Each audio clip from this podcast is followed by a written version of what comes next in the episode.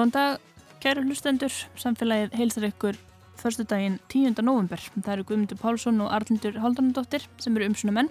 Arlindur hér í erstareitinu og Guðmundur, ég, hvar ert þú statur? Já, það nú spyrir, ég er að mista kosti ekki við hliðin á þér, eins og venjulega. Nei, ég sé það. Ég statt, jú, sér það og tekið eftir því. Eh, Ég er stattur hérna á bílastæðinu við skíðasvæði Ísfyrðinga í Tungudal og er á leiðin inn á Ísafjörð. Þar ætla ég að hitta Nanni Örnu Guðmundsdóttur, eiganda ferð þjónustu fyrirtækisins Borea Adventures. Og þau eru að fara að undirbúa veturinn, en undarfærið hafið þau tekið á móti hópum allstæðar áður heiminum og farið með þeim á hotstrandir til að taka myndir af refum. Heyrum meira af því á eftir. Og heyrum líka fyrirhugaðri ferð þeirra sjálfra til Suðursköldslandsins. Já, það er ekkert annað. Það verður gaman að heyra þetta. En eh, fyrst ætlum við að ræða um umferðina í Reykjavík. En í morgun fór fram ráðstefna eða málþing á vegum borgarinnar sem bar yfirskriftina léttum á umferðinni og þar stegu ymsir á stokk og rættu samgöngumálinn og umferðar þungan frá ymsum hliðum og við tölum við tvo af fyrirlesurunum þau Brynhildi Bolladóttur, lögfræðing og Reykvíking á hjóli og Þorstein R. Hermansson hjá Betri samgöngum og svo kemur vera ítlóðadóttir til okkar í dýraspjall í lók þáttar. En við byrjum á umferðinni.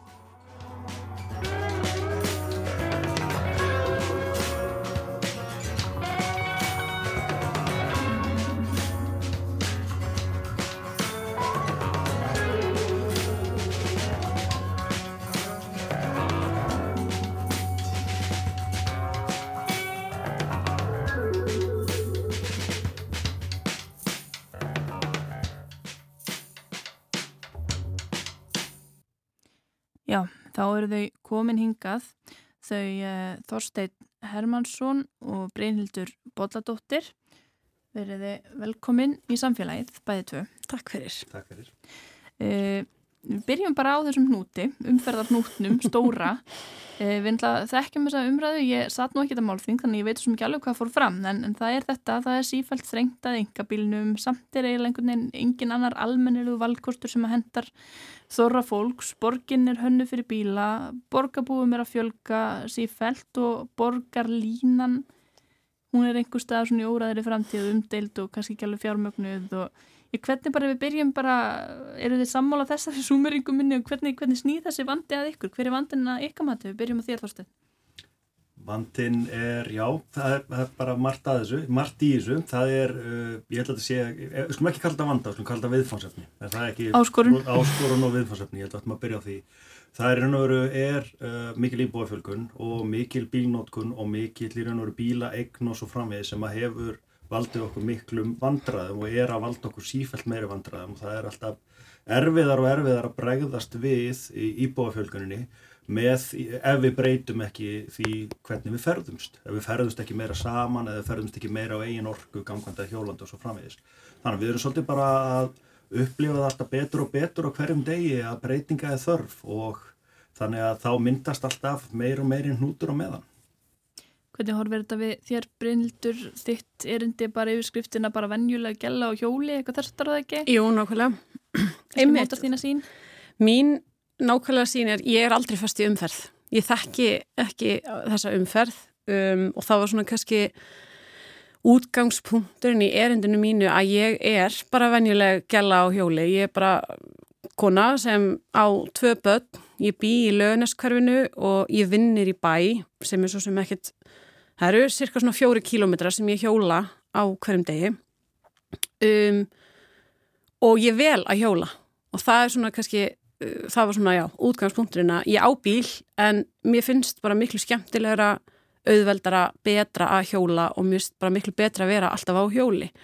Og sérstaklega því ég hjóla heim úr vinninni og horfi á hérna, umferðina sem nær frá sæbraut og ég ímynda mér bara að völlunum í hafnafyrði hugsa ég bara, akkur er þetta fólk ekki hjóli?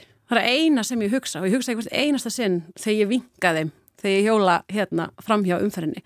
Þannig að svona, ég er örgulega þá hluti af lausninni einhvern veginn en það er mér ekkert einhvern veginn kapsmáli að ég er ekkert að reyna að gera umferðinni í Reykjavík eitthvað betra með því að vera hjóli. Mér finnst það bara miklu skemmtilegra og betra.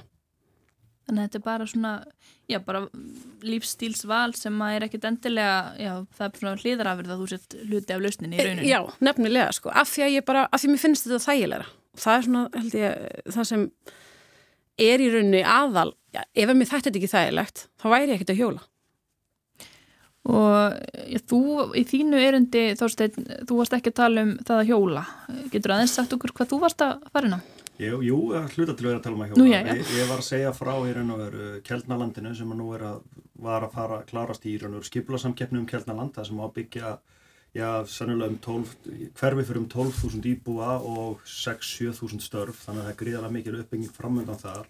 Og það er gert í raun og veru með því sem kalla samgöngum með að skipula. Það er að horfa mjög stíft á samgöngunar strax frá upphafi og hvernig við getum búið til hverfi með sem bestum aðstæðan fyrir gangandi, hjólandi og almenni samgöngum. Þannig að það er verið að horfa á það. það var, þannig að það var svona það sem var kjarnin í mínu erindi.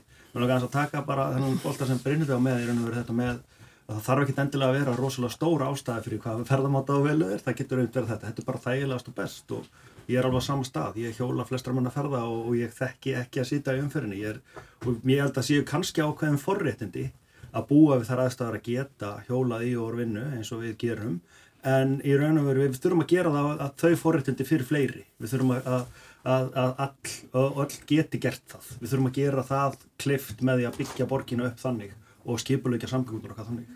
Er það þá stóra lausnin að við bara skellum nagladekkjum undir hjólinn allir séu hjólandi hérna í mislangar leiðir sumir kannski 10-15 km nú veit ég ekki hvað langt að hjóla frá kjálanissi ef þú sækir vinni í borginna stundum við tala um almenningssamgöngur og það sé svona stóri, stóra viðfangsefnið en allir þið, viljið þið leysa þetta bara með allir hjóli um kannski bara, já, leggjum bara göturnar undir, undir hjól? Ég held þetta tali allt bara saman. Uh, borgarlínan eru þetta ótrúlega mikilvæg og bara svona aðmitt eins og þú sagðir hérna í uppæð, ég er bara tikk-takk, tikk-takk, hvernig sjáum við eitthvað? Og þú veist, jáfnveg þarf bara að kalla einhverja strætóleið borgarlínuna, þannig að mér líði eins og, og borgarlínan sé komin. Uh, en ég held að einmitt með fleiri sem eru hjólandi, gangandi, taka strætó, þá auðvitað leysu við einhvern manda uh, og það er ekki, ekki raunhaft fyrir alla að, að hjóla. Og það er held ég alveg rétt sem Þorsten segir að þetta eru, eru ákveðin forréttindi og eins og ég talaði nú um í erindinu mín, þetta er sko, ég held að rafhjól séu bylting millistjættarinnar.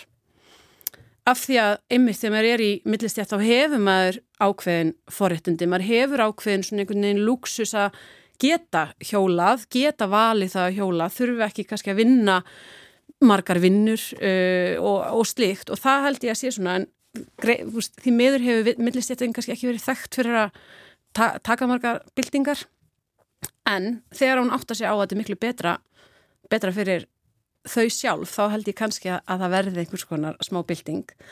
Og ég held að laust, veist, það er ekkert ein laust, við þurfum bara kannski öll að hugsa hvað er langt í raunverulega sem ég keiri í vinnuna? Er, þú veist, bíja á kjálun er svo vinnir í bæ bara guðminn góður verðt á bíl. Veist, það er ótrúlega erfitt að hjóla það á hverjum degi. En ef þú býr til dæmis í fósvöginum og vinnur á landsbítalunum. Akkur prófar ekki bara hjóla í vinnuna? Trublar umferðinni ekkert og ykkur þegar þið eruð að hjóla? Bílaumferðin þar að segja. Það er náttúrulega mikið af bílum í Reykjavík þannig að jú, vissulega þeir eru, þeir eru við það. Við erum kannski aðeins bara taka hana búin sem það er um stóra lausnin. Stóra lausnin er rosalega fjölbreytt. Hún er fjölbreyttir ferðamátor, hún er alls konar og við, þannig að ég heldur þurfum að passa okkur á því að kvorki hjól, nýja borgarlína, nýja almenni samgöngur, nýja rafskútur, nýja bílar eru stóralistinu. Þetta er allt mix mhm. sem að virkar mismunandi fyrir mismunandi ferðir á mismunandi tímum og mismunandi lífskeiðum líka. Ég held að það skiptir máli þegar við erum að tala um millistjættina og miðaldra og svo framvegis að, að, að einmitt við, þetta eru mismunandi lífskeið líka sem við gangum í gegnum. Við veljum ekki bara ferðamáta fyrir lífstíð, fyrir allar ferðir og alltaf. Við höfum svolítið verið fast þar. Einmitt. Og þú varst að skoða kjaldnaholtið og svona hvernig er þetta að hanna það þá með þetta í huga, þessi samgöngur. Uh, hvað með sko að nú er ákveðin fortið að vandi og það er búið að hanna stærstan hluta af borginni uh, og hún er mjög bílmiðuð borg, uh, allavega mörg hverfinar. Er eitthvað hægt að sko bregðast við því? Ver, ger það ekki að einhvern veginn bílinn verður alltaf svolítið í fyrsta sæti í, í Reykjavík og svo er bara oft tala líka um að Íslendingar noti bílinn sem úlpu, það er bara kallt og vindasamt og Ég held að við, við séum bara með gulli tækifæri höndunum eins og þegar kemur að Kjaldnalandi. Það er í raun og veru, það er ekkit í bóði að fara að búa til margar tengingar í viðbótin á Vesturlandsveginu þannig að það er ekkit í bóði að vera með mikla bílaumferð að og frá þessu hverfi. Það er nú þegar mikil umferð í, á Vesturlandsvegi og í Ártúnsbrekku og þarna allt í kring. Þannig að það er ekkit á það bætandi. Þannig að við verðum að hugsa alveg frá grunni að fyrsti valkostur í ferðum að og frá hverfinu verði borgarlínan. Og þess vegna hverfið hugsað alveg grunninn fút frá því. Og maður kannski segja að, að sko ferðartími með borgarlínu frá miðju kjeldnakörfisins og allalegin er á lækjartverkur innan við 20 mínútur. Og með að borgarlínu komið svo áraðanleiki að hann er alltaf 20 mínútur, hann er ekki, þú ert ekki fastur í umferðinu einstarið annað, en þetta er líka bara 7,5 kilometri sem er alveg vegalinn sem fullt af fólki tilbúið að hjóla, ég tala ekki um að raffhjóli. Þannig að, að og, og þannig að það eru eins og sí, það er, það er fullt af tækifærum til þess að breyta og horfa öðruvís á þetta aldrei um að hafa gert. Já, og Brynildur, þú sagðir að þið væri farið að lengja eftir borgarlínunni, veist þú eitthvað meira um það, þú ert jo byrjað samgöngum. Hvenar þurfa að sjá eitthvað gerast raunverulega? Það er, það stittist mjög í fyrsta, segja, fyrsta útbóð varandi fósfósbrúna og fósfósbrúin verður svona riggjastikki í borgarlínukerfinu, mun tengja söðursvæðinu, alla höfbrukarsvæðinu, beint inn í Vaskmýruna, upp að stæstu vinnustöðunum og stæsta atvinnusvæðinu og svo framvegis. Þannig ég er að vona bara að snemma á næsta ári séu að sjá útbóð þar. Þá getur við sagt að eiginlega borgarlínufrankandi séu hafnar, en svo má segja að það það sem gert er áð fyrir borgarlínu þannig að það má segja að það er komin bútur á borgarlínunni á landsbytalasvæðinu, það er bara ekki verið að nota núna. Þannig að e ef þú veist að býða á klukkuna, þú verður bara að skoða bara smá bút, smá Einmitt, já, ég, bara svona einmitt, ég, lakka til að sjá brúna til dæmis, ég held að hún verði rosalega bylting, bara fyrir einmitt fullt af fólki öruglega sem býr í Vesturbæði Kópavók sem mun þá frekar velja hjóla eða ganga, ég býst bara fastlega við því. En ef þú spurðir á þann hvort að bílarnir tröfluð ekki. Og bara, jú, þeir tröfla mig bara ótrúlega mikið. Og kannski því að ég ymmit hjóla til dæmis borgartún og hverfisgötu sem eru götur með hjólastíðum samsíða bílaumferð. Og það eru alltaf bílar að beigja í veg fyrir mig, Með þeir sjá börnin. mig aldrei. Já.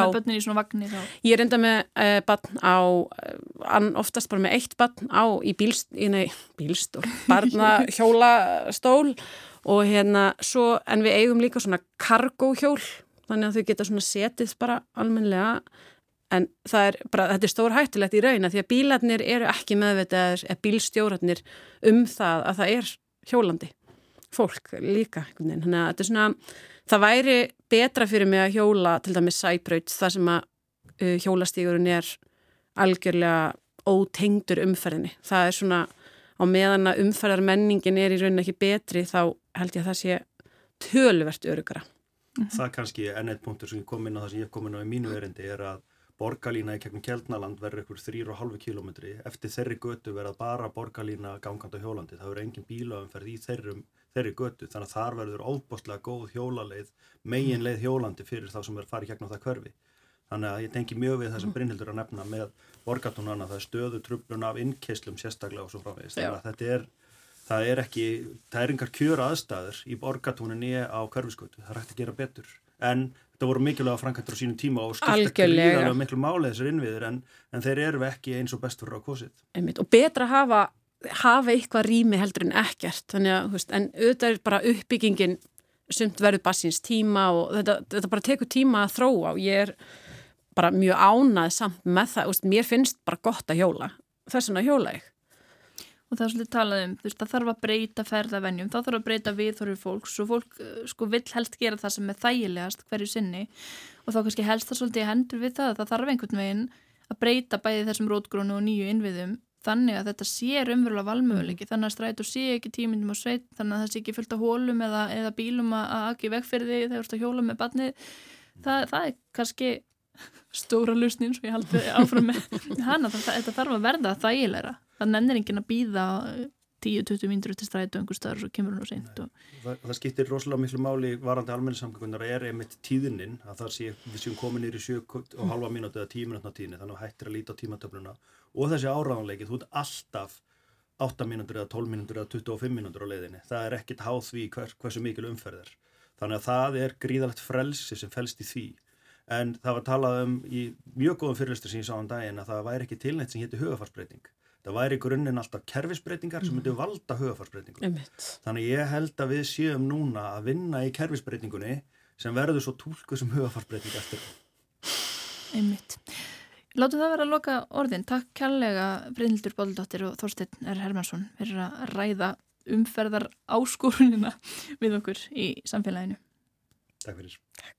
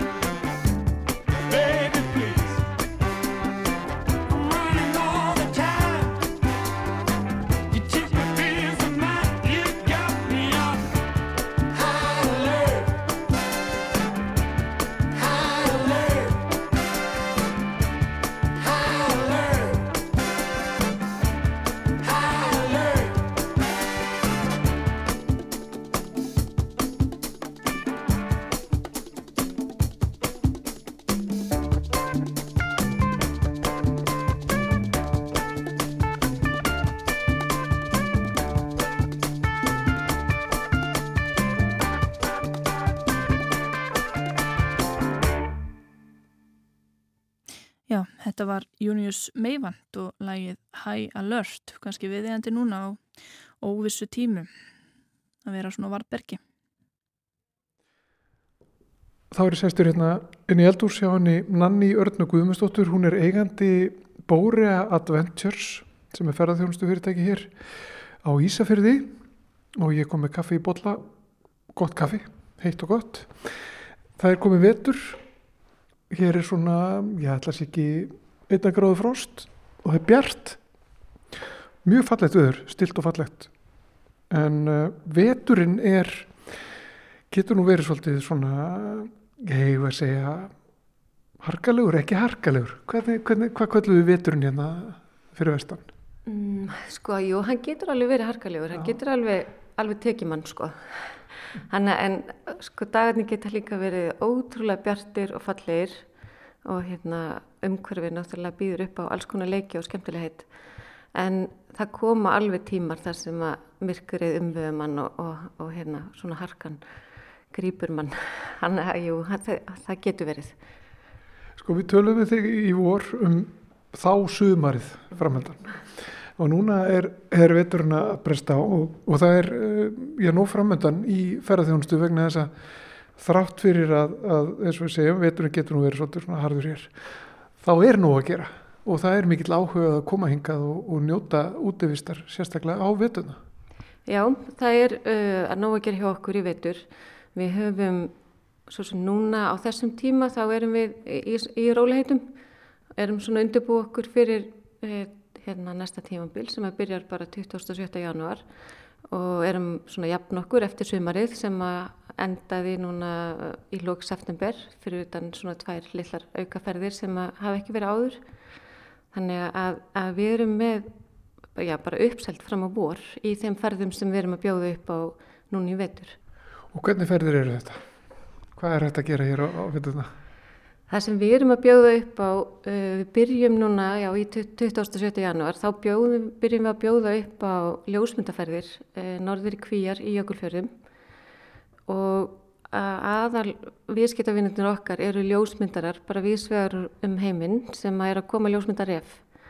Þannig að þetta eru ferðir sem eru búin að vera í búiði síðan 2016 og byrjuðu bara kannski tveir, þrýr ljósmyndarar að koma en uh, við eigum vonu 16 ljósmyndahópum fram á vor og, og það sem er svo skemmtilegt að því við vorum að tala um veðrið og það getur verið alls konar og sérstaklega í jökulfjörðum getur það verið ansi harkalegt þeir vilja það, þeir vilja kulda, þeir vilja storm, þeir vilja snjó og, hérna, og svo vilja ref.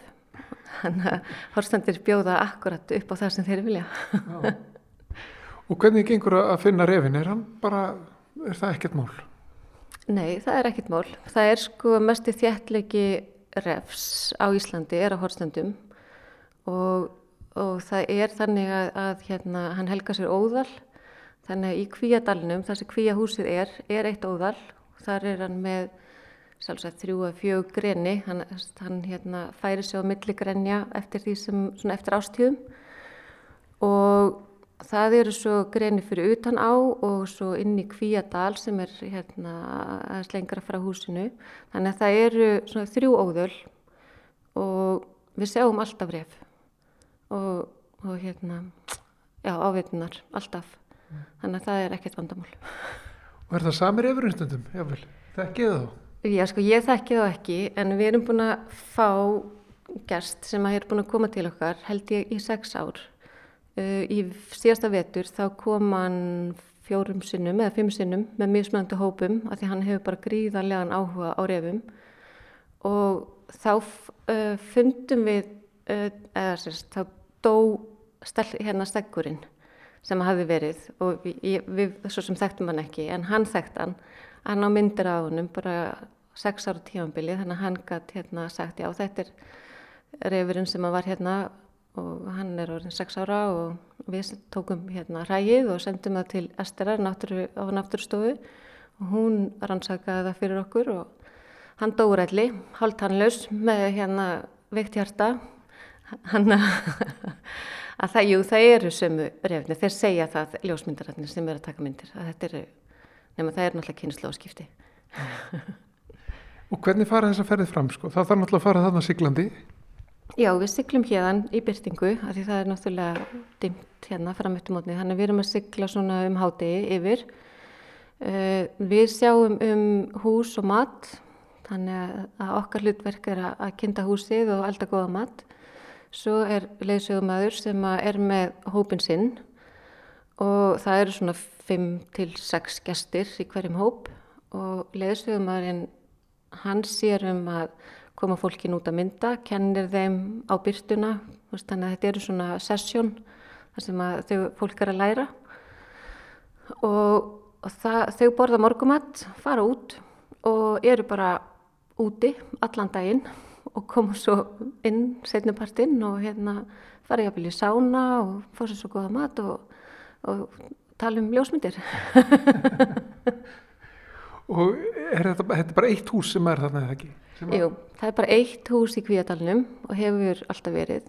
Þannig að hérna, þetta er eh, steinhús sem var byggt 1928, tækja hæða með kjallara og hérna þar geta gist uh, allt upp í 19 einstaklingar, mjög þröngt, mjög góður vinahópur ef þau eru 19 en við svona mælum með 12 til 15 og hérna, þetta er frumstætt, þetta var náttúrulega eðubílir sem var hérna næstum því hrunið. Og, og hérna, en það er ekkert annað þarna, þannig að það er ekkert að trubla ljósmyndinuna, það er bara náttúran, það er myrkrið og það er híminin í öllu sínu veldi á kvöldin með norðljósum og stjörnum og tungli og öllu því. Og svo, já, hérna, sjórin bara rétt fyrir neðan, þannig að það er brimrót og, og hérna, og bara einhvern veginn svona umhverfi sem að þessi ljósmyndarar sækjast í. En að vera að fara þarna í, í janúar, februar, um, þetta hlýtur að vera, geta verið krefjandi. Það geta komið náttúrulega veður sem að vara bara í nokkra daga.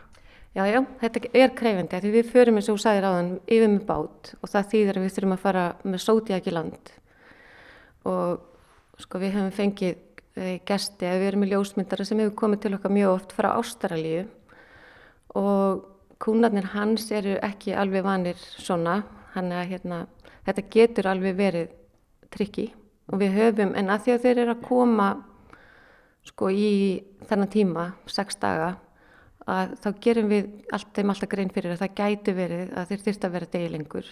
Eða við þyrftum að fara degi fyrr út af veðurspá. Eða við þyrftum að fara degi setna frá Ísafyrði út af spá. Þannig að við mónitorum veðrið rosa vel og erum í komið samskiptum þá og hérna, en það hefur ekkert þannig komið upp á, þetta er bara æventýri. Já. Og þegar fólk þekki til og þeir eru með leysugu fólk sem að þekki staðhætti og, og kam til verka þá, þá er þetta alltaf í lægi náttúrulega. Já, við erum náttúrulega erum með okkar starfsfólk sem sér um húsið, af því að húsið er kannski það sem er mest trikki. Það er, þetta er gamalt frumstætt hús, við erum með sól og eldavél sem að þarf að hérna kveiki upp í og ég tristi mér ekki eins og þess að kveiki upp í henni, þetta er svo, þetta er svona íta hér og, og, og kveika hér og þrýsta þarna og eitthvað. En þeir sem er að vinna hjá okkur og hafa verið hjá okkur nokkur, þeir kunna þetta mjög vel og og þeir bara, segja, þeir bara kveiki upp og halda húsinu heitu og, hérna, þannig að mesti svona, ok, já, mesti okkar þekking er að halda húsinu við og umhverfinu góðu fyrir, fyrir gestina. Og segir sko, það talað um, talað um það við fólk að það gæti þurfti að vera degi lengur, það, það þarf ekki að vera viku lengur eða svoleiðis, það hefur ekki komið upp neitt svoleiðis. Nei, það hefur ekki komið upp neitt svoleiðis, ekki, ekki svo lengi sko. Og hvíjar er þetta er í klukkutíma fjarlægð frá Ísafyrði þannig, og við erum með mjög góðan bát þannig að við veist, getum yfirleitt alltaf sótt fólk á réttum tíma en við höfum líka farið með hópa allar í norður í Hotvík en þá viljum við ekki fara fyrir en uh, svona miðja mars þegar byrtan er orðið meiri og, og veðrið er, er orðið skaplegra Eh, við vorum til dæmis eh, á áætlun að fara með hóp í Hlöðuvík hérna fyrir tveimur árum síðan. Þau ætlið að fara í lók janúar og þau komist ekki fyrir ný lókmars. En það var íslenskur hópur sem var bara tilbúin að býða á kantinum sko. Þannig að, hérna, að veðri getur verið alls konar sérstaklega þegar komin austu fyrir ströfnast þá bara þá er, er meiri, meiri veður þar. En það er einhvern veginn þægilegur að fara inn í jökulfyrði. Þannig að það hefur alltaf gengið mjög vel. En er, er það sem sagt hægt að fara alveg inn í Hotvík bara að segja um loki januar? Er, er, það, er það gert? Mm, það er yfirleitt ekki gert. Það er svona, sko, hópurinn sem var að fara í Hlöðuvík var að fara í hús, voru eigundar húsi sem voru að fara þangað, uh, fjölskylda mín á hús í Hotvík, þannig að við fáum aðganga því og hérna, en yfirleitt er fólk ekki að fara í janúar og februar svona langt sko. Það er bara svo, það er bara svo mikið veður og hérna og það er kannski aðalega sjórin, þú veist að það er búið að vera kvast og þá sjórin lengi að ganga niður og víkurnar eru opnar fyrir norðan og norðaustanáttinni. Þannig að það er erfitt að lenda og hérna þannig að yfirleitt er fólk ekki að fara. En þið eru að taka múti hópum og fara með hópa í okkur fyrir hérna á vetuna eins og varst að segja okkur, allstaða frá allarlega frá Ástralíu mér sé sem er, er eiginlega ekki hægt að koma lengra að. Um, því það verður að taka múti er það ekki líka kvikmyndageramönnum sem hafa komið hérna til þess að, að fylgjast með, með refnum Jú, við höfum gert það. Við höfum uh, unnið allavega þrjú verkefni með BBC og þau hefðu reynda samband við okkur núna mm, fyrir ekki svo lengur síðan, tveim vikum síðan og vildu koma þá í byrjun janúar.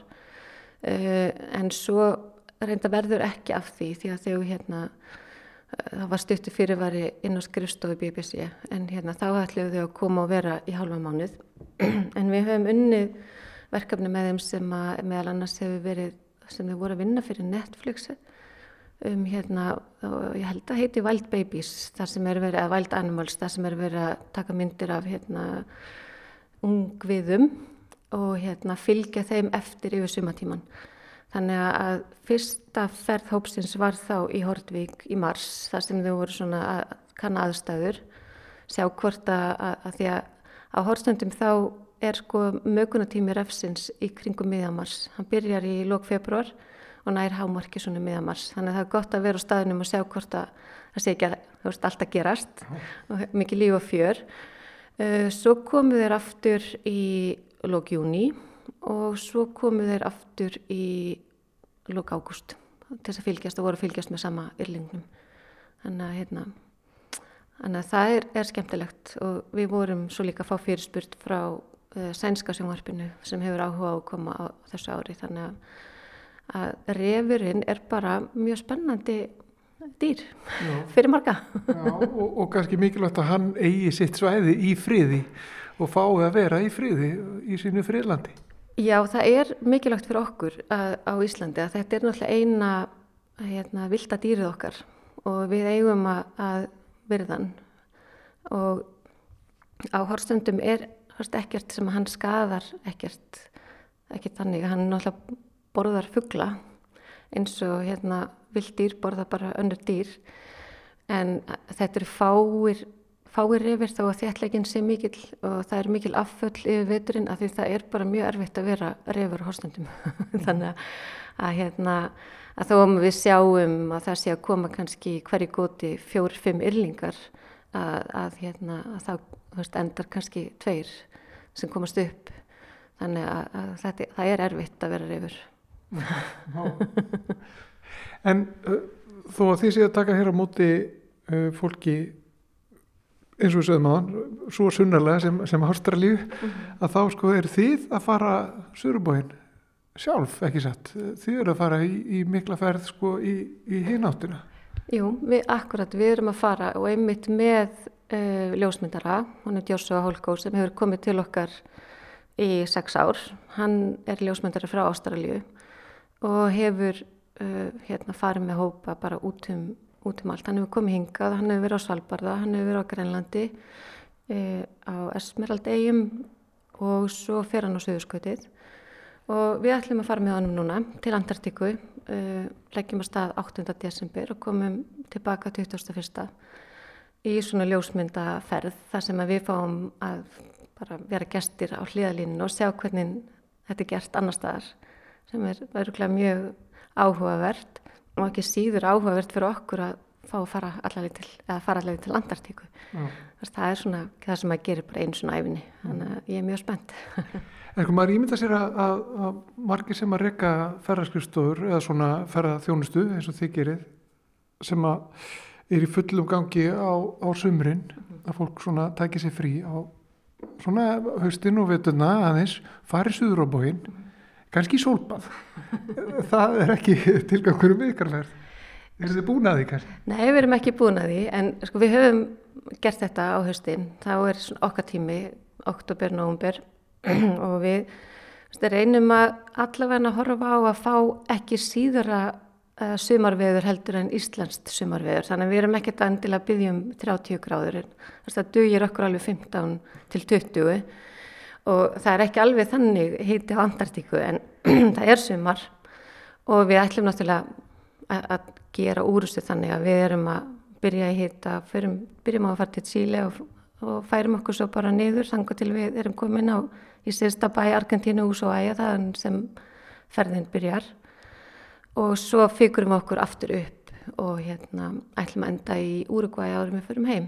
Þannig að við fáum alls konar, við fáum ísjaka og, og mörgjastir og strendur og sól og hjól og og bara, og fjöll og klifur, þannig að við erum eiginlega að ná öllu í þessari einu ferð.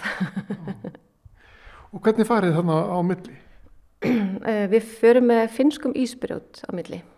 Þannig að hérna, hann er, þetta er svona skip sem er byggt í hvað í kringum 1975 eitthvað svo leys og er, hann var, ég veit að hann, þeir voru á Svalbarða í sumar, þannig að þetta skip ferðast bara um heiminn í svona, hérna, uh, svona, svona ferðir, pólarferðir. Uh, það er gert ráð fyrir að séu millir 30-40 gestir um borð og hérna og hann að við siglum og erum að sigla bara allan tíman en, en hann Joshua náði að, að fá átján lendingastadi á Antartíku þannig að við erum að sigla milli eiga og skerja og hérna, fara í land og skoða bara alls konar mismunandi landsvæði þannig að hérna já En það verður áhugavert. Ég er mest spennt fyrir að sigla yfir Drekasund. Ég er, er ekki vissum að það verður skemmtileg upplifun en hvað veit maður? Kanski verður logn. Þannig að þú er svona, þið eru svona næstið að fara milli póla, það líku við. Já, það líku við. Sko við erum náttúrulega að hérna operata í 66 norður en við förum ekki lengra en 65 suður. Þannig að við erum ekki alveg að ná að vera 66 suður norður en næstu því. Eh, Svo bara komið þið heim úr, úr þessari miklu ferð og þá eru bara jól og svo bara ba- pakka hún í tösku og fara í jökulferðina með, með hóp. Já, það er eiginlega þannig. Við bara rétt komum heim og náum að, að, að hérna, aðeins að anda áður við förum á stað. Því að hérna, það er náttúrulega, við þurfum svo að fara áður en hó- hópurinn fer, þá þurfum við að fara og gera húsi klárt. Það tekur alveg tvo sólarringa að þýða húsið, þannig að það verður að vera hlýtt og notalegt þegar gestinni koma. Þannig að við byrjum yfirleitt í janúar að fara og hérna, gera húsi klárt áður en að við tökum út gestum. Þannig að janúar er undilagur í það. Veit það, uh, Nanni Arna Guðmundsdóttir, hegandi Bórea Adventures. Uh, gaman að fá að koma tíðin og, og forveitnast um, um veturum framöndan hjá ykkur og takk fyrir kaffið. Já, takk fyrir komuna og verðið þér góð.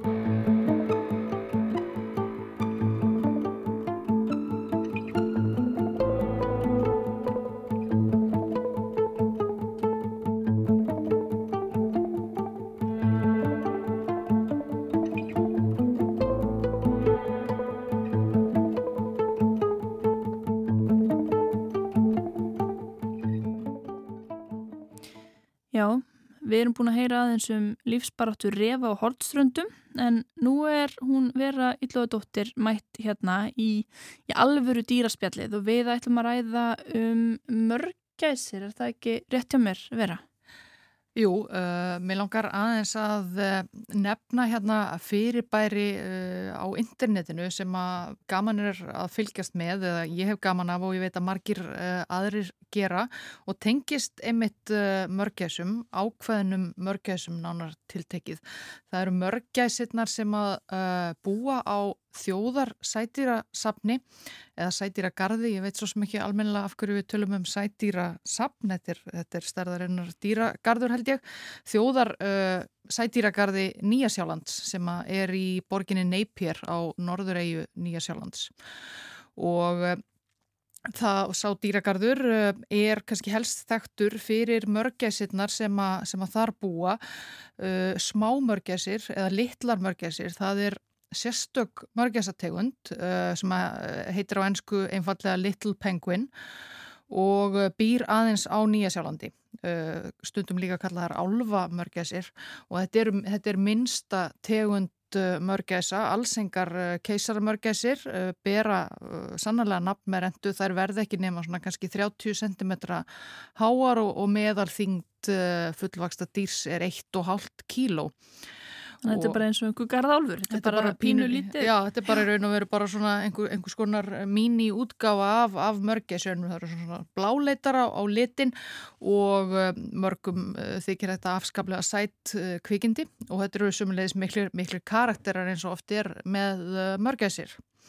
Og þær eru margar sem, a, sem a eru þarna að búa þarna á sætirasafninu, uh, hafa verið þar uh, frá árinu 2012 uh, mörgæsir þá var í raun og veru komið upp á sætirsafninu svona eiginlega svona atkvarfi fyrir uh, smámörgæsir sem að hafa fundist á hrakningum. Þær búa sem sé á uh, Nýja sjálandi og oft stundum í, í, í grend við uh, mannabygðir og eins og já, margar aðrar mörgæsategundir þá eiga þær undir höggasækja og hafa þurft að líða fyrir það sérstaklega kannski að að vera nálægt mannabygðum. Þannig eru mikið að dýrum sem að, sem að hafa fundist uh, orði fyrir einhverjum skakkaföllum, til dæmis mörgæsi sem að hafa, hafa mist vangið að reyfa eftir að hafa, hafa flækst í netum og svo framvegis um, sem að kemur fyrir margar mörgæsir, aðrar sem hafa orði fyrir bátum, orði fyrir uh, bílum upp á landi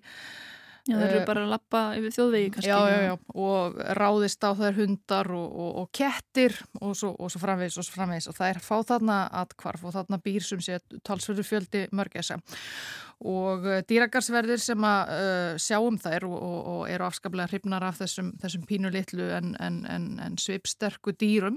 Byrjuði á því í júli 2017 að setja uh, svona mánaðarlega upp á töflu sem er þarna í gardinum uh, myndir af mörgæsunum og útnemdu þá í hverju mánuði óþekkustu mörgæsmánaðarins og bestu mörgæsum, ein óþekk og ein góð eða þekk og uh, Möt, hérna gerðu þetta um eftir því hvernig, hvernig uh, hver mörgæs kom fram við önnur dýr í, í, í hópnum, höguðu sér við uh, matargjafir, komu fram við dýragarsverðina sjálfa jafnvel og, og svo framvegis. Og uh, þetta settuðu sem sé þarna upp á, upp á skilti og uh, síðan líka á samfélagsmiðla sætirasamsins og við getum uh, byrjað á hérna til dæmis Þessum, þessum fyrsta mánu, júli 2017, þá var það mörgæsinn uh, Timmy sem var uh, óþekasta mörgæsmánaðarins uh, og tekið fram hvers vegna. Hún stal fiski og hrindi annari mörgæs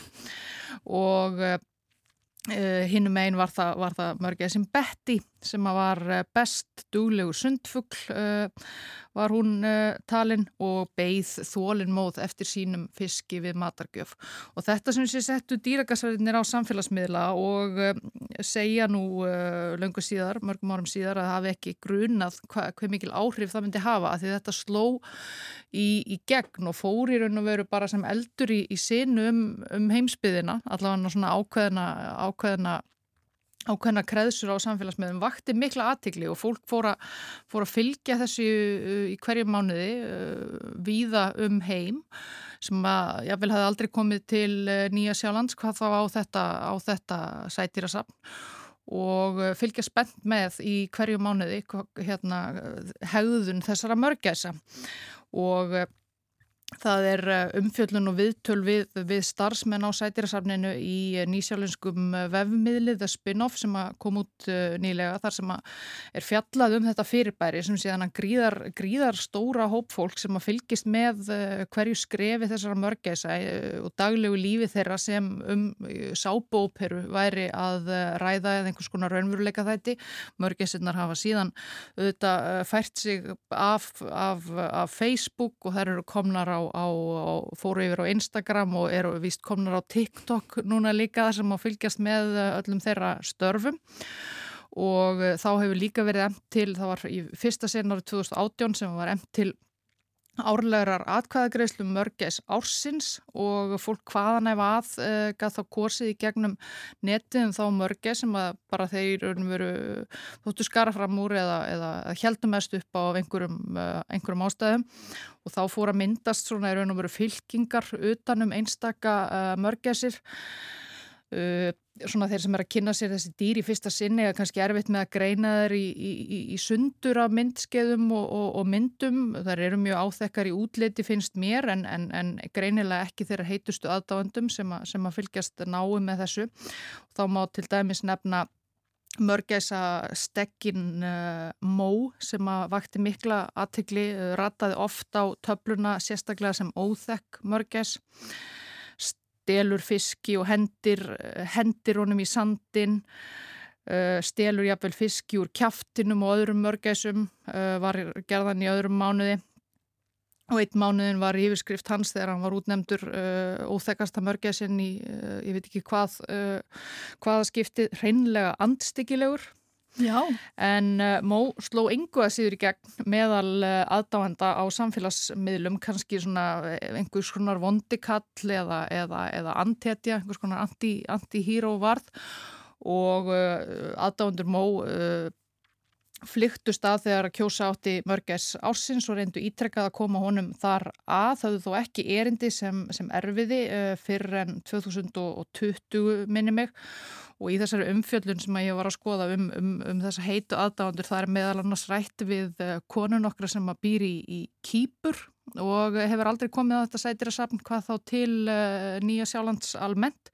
En uh, hún heitlaði svo af, af sérstaklega mörgæsinni Móa, hún uh, sem sagt hún Svar þess heitað að ef að hann yrði mörgess ásins þá myndum fá sér stærðarinnar húðflúr af honum á, á líkamassinn og, stóðu við það og, og sínir þarna í greininni já, stórt, stóra mynda þessari mörgess Ég held að það er að segja að hún ætla að splæsa í ferð til nýja sjálfins að hitta má en hún ætla bara að fá en, en ég, veit, ég veit að á, á árum heimsfaraldursins þá var hægt að, að hitta uh, mörgessirnar á fjarfundi og aðdáðandu gáttu nýtt sér það að bóka fund með sinni eftirlætis eh, mörgæs í gegnum, gegnum Zoom. En uh, þetta er uh, mjög uh, spennandi alltaf og ég fylgist með þessu lengi í hverju mánuðu hver og kannski oftast, oftar skemmtilegt óþekka mörgæsin. Þarna voru komið ímisleg atvik upp til dæmis, til dæmis mörgæsirna para sig saman og síðan eru skilnaðir og annað og allt sem að, allt sem að, allt sem að því fylgir. En svona á síðustu missurum þá hafa dýragarsverðinir reyndar uh, svona kannski uh, uh, hugsað eftir, eftir, eftir tíðarandanum og hætta útnefna sérstaklega óþekka og góða mörgæs heldur bara vekja aðtegli á einni mörgess í, í, uh, í hverju mánuði og svona Þannig segja... Þannig að þetta er ekki lengur keppni. Nei, og segja, ja. frá, segja frá hennar uh, hegðun og því sem hefur drifið á, á daga hennar og vilja ekki, og segja sem sé að þeir vilja ekki endilega dæma hegðun mörgessana og fólk, uh, svo kann fólk að tólka gjörðir mörgessana þetta mismunandi og tekið sem dæmi mörgessin börni Hún var nýlega mörgess uh, mánadarins og sagt frá því að hún hefði sem sé yfirgefið uh, makasinn, kærastasinn og vild, virtist nú bara vilja blanda geði við aðrar uh, mörgessa kettlingar og uh, þá spyr maður sig hefði hún átt að vera talin óþekk fyrir það að, að, að yfirgefa kærastan eða, eða, eða góð fyrir að taka uh, félagskap kynsistra sinna fram yfir kallin eða eitthvað svo leiðis þannig að það er ekki lengur svona lagt laðir, laðir dómar á hegðun, hegðun mörgessana En það er kannski svolítið sérstakt sko og maður spyrir svona hver var tilgangurinn upp að við ætluðu þessar alltaf að verða einhvers konar svona internet fyrirbæri og, og verða svona vinsælum allan heim eða var þetta upphafi einhver svona tilrönd til atferðlismótunar eða, eða þess einhvern veginn að skilir þetta dýrin til þess að sína okkurna haugðun? Ég held að ætlurinn hafi ekki verið að slá svona rækilega í gegn eins og, eins og, eins og raunin var. Ég held að það hafi nú komið á, á óvart. Uh, kannski mögulega, jú, að reyna að hafa áhrif á, einhver áhrif á, uh, nú veit ég ekki hvort að mörgjasinnar uh, sjálfar fylgjast mikið með uh, þessu. Kannski reyna að hafa einhver áhrif á á, á, á, á hegðun þegar þetta hefur greinilega verið vandamáli í, í hópnum uh, ákveðnar mörgæsir sem að svona er að stela, stela fiski frá öðrum mörgæsum og, Það er svona aðal skammastriki sem það er er að stela fiski jáfnvel úr kjaftinum á annari mörgæs og svona hrinda og eitthvað þegar, þegar kemur að, að matartíma. Ná, kannski uh, dálítið, dálítið mikill uh, asi og, og, og eitthvað, eitthvað þar. En uh, nú veit ég ekki hreinlega hver, hver ætlunin var nákvæmlega með þessu. En greinilegt af, af af viðtölum að dæma að dýrakasverðinir og þeir sem að hugsa um þessar, þessar mörgæsir, uh, þeim eru dýrin afar, afar kær, uh, má til dæmis nefna það að mörgæs ársins í fyrra, var mörgæsin uh, Dóra sem að bar sig úr bítum uh, þar, hún var nú svona þekkt sem, já, Uh, einförul mörgæs var ekki mikið að blanda geði við uh, aðra fuggla uh, oft, rætað oft á lista sem óþekk mörgæs. Einn mánuðin stóð hér og uh, Dóra ræðst á starfsmenn sérstaklega Matt sem er einhver sem að þetta vinnur.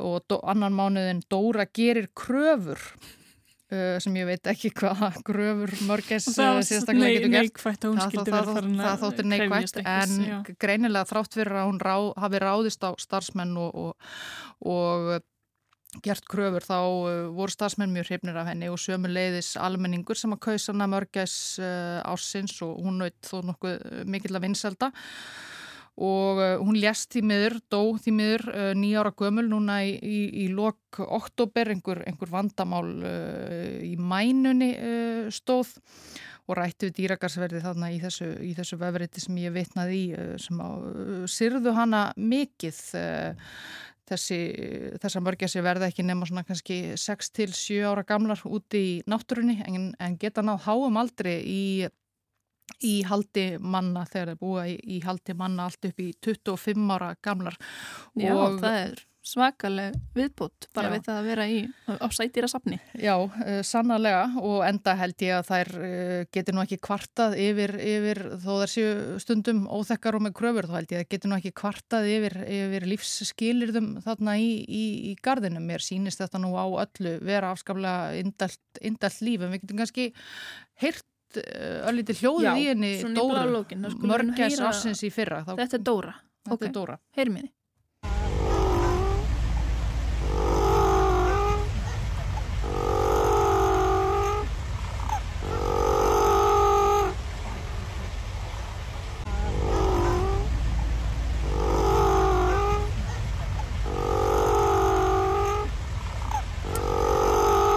Þetta eru hljóðin í mörgæsinni Dóru og ég hvet uh, fólk til að kynna sér, uh, kynna sér þetta skemmtilega samfélag mörgæsa. Þetta er uh, National Aquarium of New Zealand, heitir þetta á Facebook og fleiri, fleiri samfélagsmiðlum og já, bara mjög skemmtilegt að- involvera sig í, í líf þessara mörgæsa. Einmitt, mjög spennandi, ég er bara hvet fólk til þess að googla, ég er allavega að googla, mér langar að sjá hvernig það líta út og, og svona, kynast þeim aðeins. En takk kærlega fyrir spjallið vera Ílúðadóttir og þá er samfélaginu bara lokið í dag. Og við þökkum bara fyrir samfélgina í vikunni og vonum að þið njótið helgarinnar.